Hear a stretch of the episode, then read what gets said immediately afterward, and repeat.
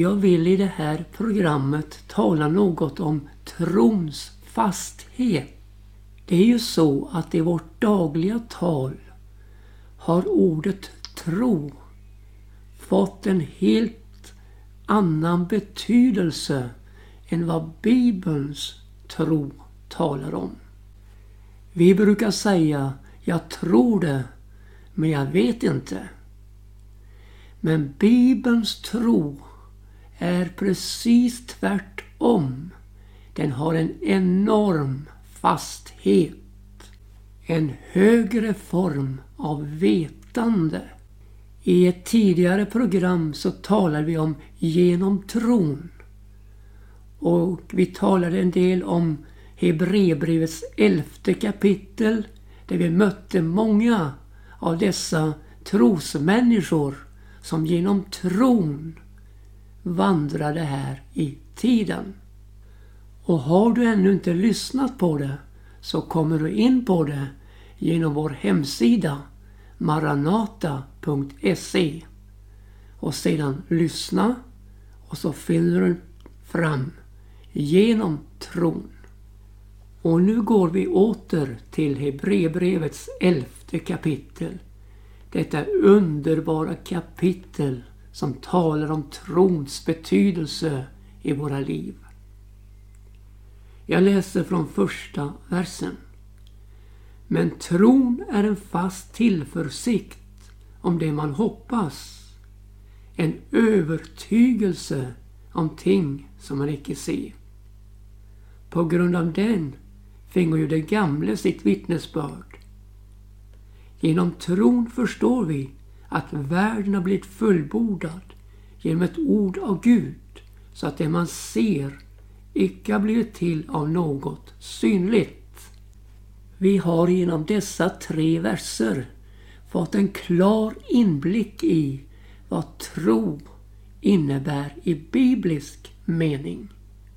En fast tillförsikt om det man hoppas. En övertygelse om ting man inte ser. Ja, som kristna så lever vi på hoppet. Ett hopp som inte kan slå fel. Med en tillförsikt genom tron på Jesus. Vi kan läsa om detta hopp i Hebreerbrevets sjätte kapitel. Om detta hopp som ligger framför. Hebreerbrevet 6 och 19. I det hoppet har vi ett säkert och fast själens ankare som når innanför förlåten. Det Jesus som vår förelöpare har gått in för oss. Det han blev en överste präst efter Melkisedeks sätt till evig tid. Du ser min lyssnare att det handlar om ett säkert och fast själens hopp. Som ett ankare som redan har satt sitt fäste innanför förlåten. Alltså i Guds himmel. Den tillförsikten får vi genom den bibliska tron på Jesus. Tro på Herren Jesus så blir du frälst. Och detta är trons innersta väsen, nämligen en fast tillförsikt. Och visst är det väl underbart att vi behöver inte fladdra hit och dit på ohållbara grunder. Utan som sagt, vi får ha en fast tillförsikt i hoppet som ligger förankrat redan nu i himlen genom Jesus. Så är tron också en övertygelse om ting som man inte ser. Vi har ju exempel i Bibeln på människor som först ville se innan de trodde. Men Jesus säger att saliga är de som icke ser och dock tror. Hur kan nu detta vara möjligt? Att tro med en övertygelse på ting som man inte ser. Jo, där har vi det goda Guds ordet som för oss in på områden där vi visserligen inte ser men där vi tror och har en övertygelse att det ligger till på det här sättet. För tron, den kommer av predikan och predikan i kraft av Kristi ord. Jesus är garanten för att det han säger och det som står skrivet är riktigt och rätt och stämmer. Och vi kan med full övertygelse ta in det i våra liv. För du förstår, vi vandrar här i tro men inte i åskådning. Men det kommer en dag då tron ska förbytas i åskådning och vi ska få se Jesus som han är. Och under tiden har vi en underbar förbindelse med honom genom bönen och ordet på denna trosvandring genom livet. Ja, tillförsikt och övertygelse det var det de gamla trosmänniskorna hade som en livsnerv i sig. Och upplevde också hur Gud stadfäste sitt ord under deras vandring. Och så kommer vi till den tredje versen. Genom tron förstår vi att världen har blivit fullbordad genom ett ord av Gud så att det man ser icke har blivit till av något synligt. Ja, just det. Genom tron förstår vi. Människan hon vill gärna börja i fel ände. Hon vill förstå och sedan möjligtvis tro. Men ser du, vårt förstånd är så oerhört begränsat. Så vi kan inte en gång förstå det vi ser. Hur skulle vi då kunna förstå det som vi inte ser? Men tron Tron på Gud, tron på Jesus ger oss den rätta infallsvinkeln. Vi får helt enkelt börja i den rätta änden. Och då blir vi inte bakåtsträvare utan vi vandrar framåt. Framåt mot himlens härliga land i Jesu efterföljelse. Just detta med världens skapelse är ju något som nutidsmänniskan fastnar i otro och en felaktig världsbild. Utvecklingsläran, evolutionsteorin, har så förmörkat människans sinne att hon inte kan ta in motargument utan hon är fullständigt fastlåst i sitt tänkande. Hur orimligt det än är att denna ändamålsenliga skapelse skulle komma till av en slump så håller man fast vid det och lyfter inte sin blick för att förstå att det finns en Gud som har skapat allt detta. Tänk dig alla blommor som blommar. Tänk dig alla fåglar som sjunger. Havet och dess vågor. Den friska luften från en tunn atmosfär som räcker till för oss alla. och människan som krona på det hela med möjlighet att återspegla Guds härlighet genom tro på Jesus. I denna tillvaro så fylld av Guds bevis så finns det människor som förnekar Gud. Han finns inte. Jo min vän, han finns. Och han vill vårt bästa. Han vill frälsa oss som är förlorade utan honom.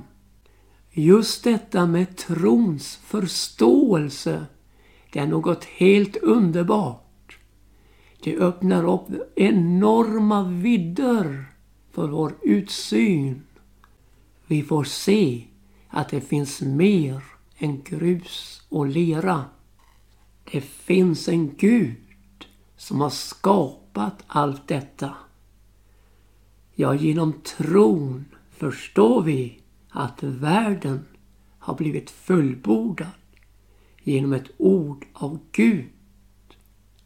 Så att det man ser icke har blivit till av något synligt. Detta med trons förståelse är en avgörande sak i en kristens liv. När Jesus i Johannes sjätte kapitel talar om att han är det bröd som har kommit ned från himmelen som ger världen liv och talar om vikten av att vi äter av detta bröd och klargör för oss att det bröd han talar om det är hans kött som han ger för att världen ska leva. Då börjar man att tvista bland judarna och säger hur skulle denna kunna ge oss sitt kött att äta? Jesus sa då till dem Sannerligen, sanningen säger jag er om vi inte äter Människosonens kött och dricker hans blod så har ni inte liv i er. Den som äter mitt kött och dricker mitt blod, han har evigt liv och jag ska låta honom uppstå på den yttersta dagen. Till mitt kött är sannskyldig mat och mitt blod är sannskyldig dryck. Den som äter mitt kött och dricker mitt blod, han förbliver i mig och jag förbliver i honom. Och vi fortsätter läsningen. Så som Fadern han som är den levande har sänt mig. Och så som jag lever genom Fadern så skall och den som äter mig leva genom mig. Så är det med det bröd som har kommit ned från himlen. Det är icke som det era fäder åto, vilka sedan dogo. Nej, den som äter det bröd, han skall leva till evig tid. Ja, detta tal det höll Jesus där i synagogan i Kapernaum. Och det blev för dem som lyssnade till en stötesten. Tidigare hade dessa människor varit så glada för de hade ju sett hur Jesus mättade skaror med fem kornbröd och två fiskar. Ja, de var så uppstämda att de ville ta Jesus och föra honom med våld bort och göra honom till konung. Och nu inställer sig frågan varför blev det för dem en stötesten? Jo, de skulle förstå för att tro. Hur kan denne ge oss sitt kött till att äta? Det vill vi ha förståelse för. Hur går det till? Innan vi eventuellt kan tro. Och så missar man det största som någonsin har hänt. Jesu försoningsstöd på Golgata och hans uppståndelse. Man hade ingen förståelse för detta tillgodogörande av hans försoning. Utan man gick bort ifrån Jesus. Då säger Jesus till de tolv lärjungarna. Inte vill väl ni också gå bort? Och då svarar Petrus med orden. Herre, till vem skulle vi gå? Du har det eviga livets ord. Och vi tror och förstår att du är Guds helige. Ja, vi tror och förstår att du är Guds helige. Vad hade de nu fått denna förståelse ifrån? Jo, de hade genom tro tagit emot det ord som utgick ur Jesu mun. Det eviga livets. Och det gjorde att alla alternativ var uteslutna. Och det fanns bara en i deras liv som kunde fylla tomrummen. Det var Jesus. Du förstår min lyssnare. Det är så viktigt att börja i rätt ände. Det är så viktigt att genom tron förstå och inte tvärt emot, genom förståndet tro. Därför, som jag sagt tidigare, att vårt förstånd är så oerhört begränsat. Så vi kan bara förstå något av det synliga men inget av det osynliga. Men Guds ord, orden som utgår ur Jesu mun, öppnar upp horisonten och vidderna och vad mer är, vi får syn för det osynliga. Och detta är så viktigt i vårt förhållande till Jesus. Petrus han säger i sitt första brevs första kapitel, åttonde vers. Honom, alltså Jesus, älskar ni utan att ha sett honom. Och fastän ni ännu icke ser honom tror ni dock på honom och fröjden är där över honom med outsäglig och härlig glädje. Då ni nu är på väg att vinna det som är målet för er tro, nämligen edra själars frälsning. Tänk nu lite in i just detta. Vi älskar en som vi inte har sett. Och fastän vi ännu icke ser honom så fröjdar vi oss över honom med en sån där härlig, outsäglig glädje. Är det inte märkligt? Vet du vad det beror på? Det beror på trons tillförsikt och trons övertygelse. Vi är fullt vissa om att denne Jesus som dog på ett kors på Golgata han dog för våra synder. Och vi är lika vissa om att denne Jesus som uppstod på den tredje dagen, han lever, han uppstod för vår rättfärdiggörelses skull. Och vi är också lika vissa om att Jesus har farit upp till himmelen och tagit plats på Faderns högra sida. Och ännu en sak. Vi är lika vissa om att Jesus ska komma igen och ta oss till sig. För han vill att där han är, där ska också vi vara. Vi som tror på Jesus, vi har väl ungefär samma förståndsgåvor som övriga människor. Men ser du, vi har fått en ögonöppnare vid tron på Jesus. Ja, i andlig bemärkelse så kan vi säga, jag som var blind kan nu se. När Paulus tar fram den här sidan i första Korinthierbrevets första kapitel så säger han från den artonde versen.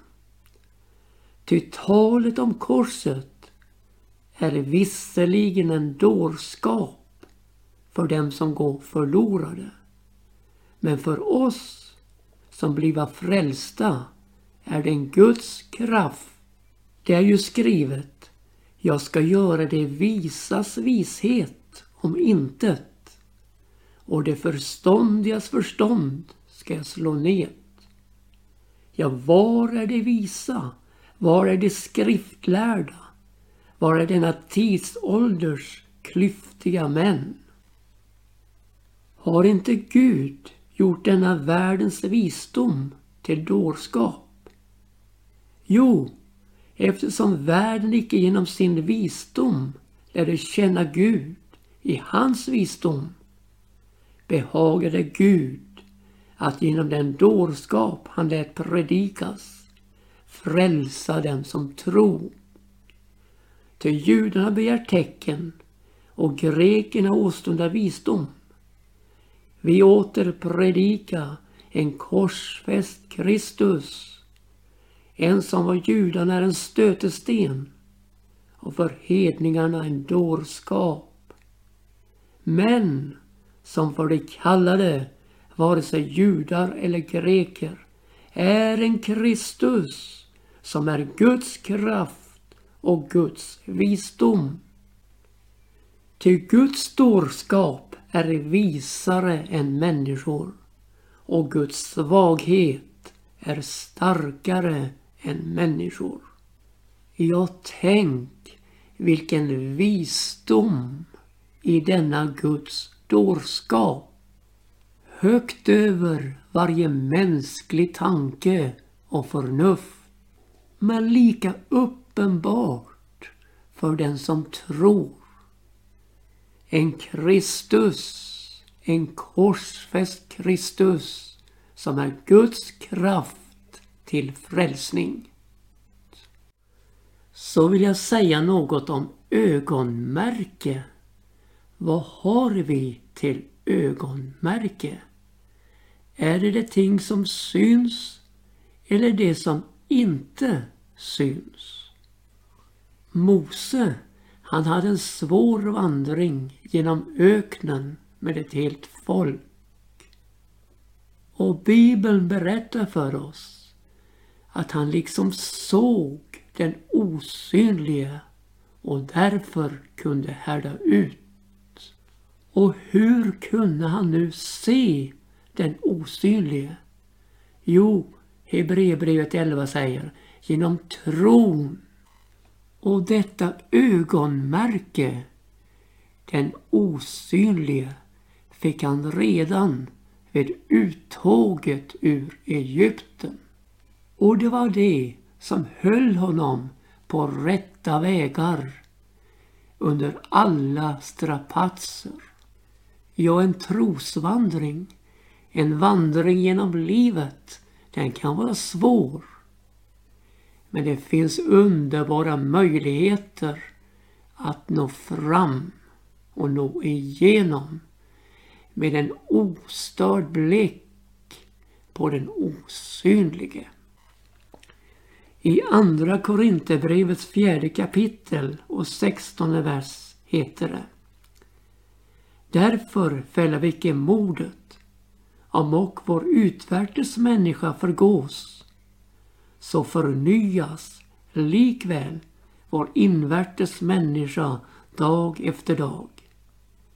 Till vår bedrövelse som var ett ögonblick och väger föga bereder åt oss i översvinnligen rikt mått en härlighet som väger översvinnligen tungt och varar i evighet.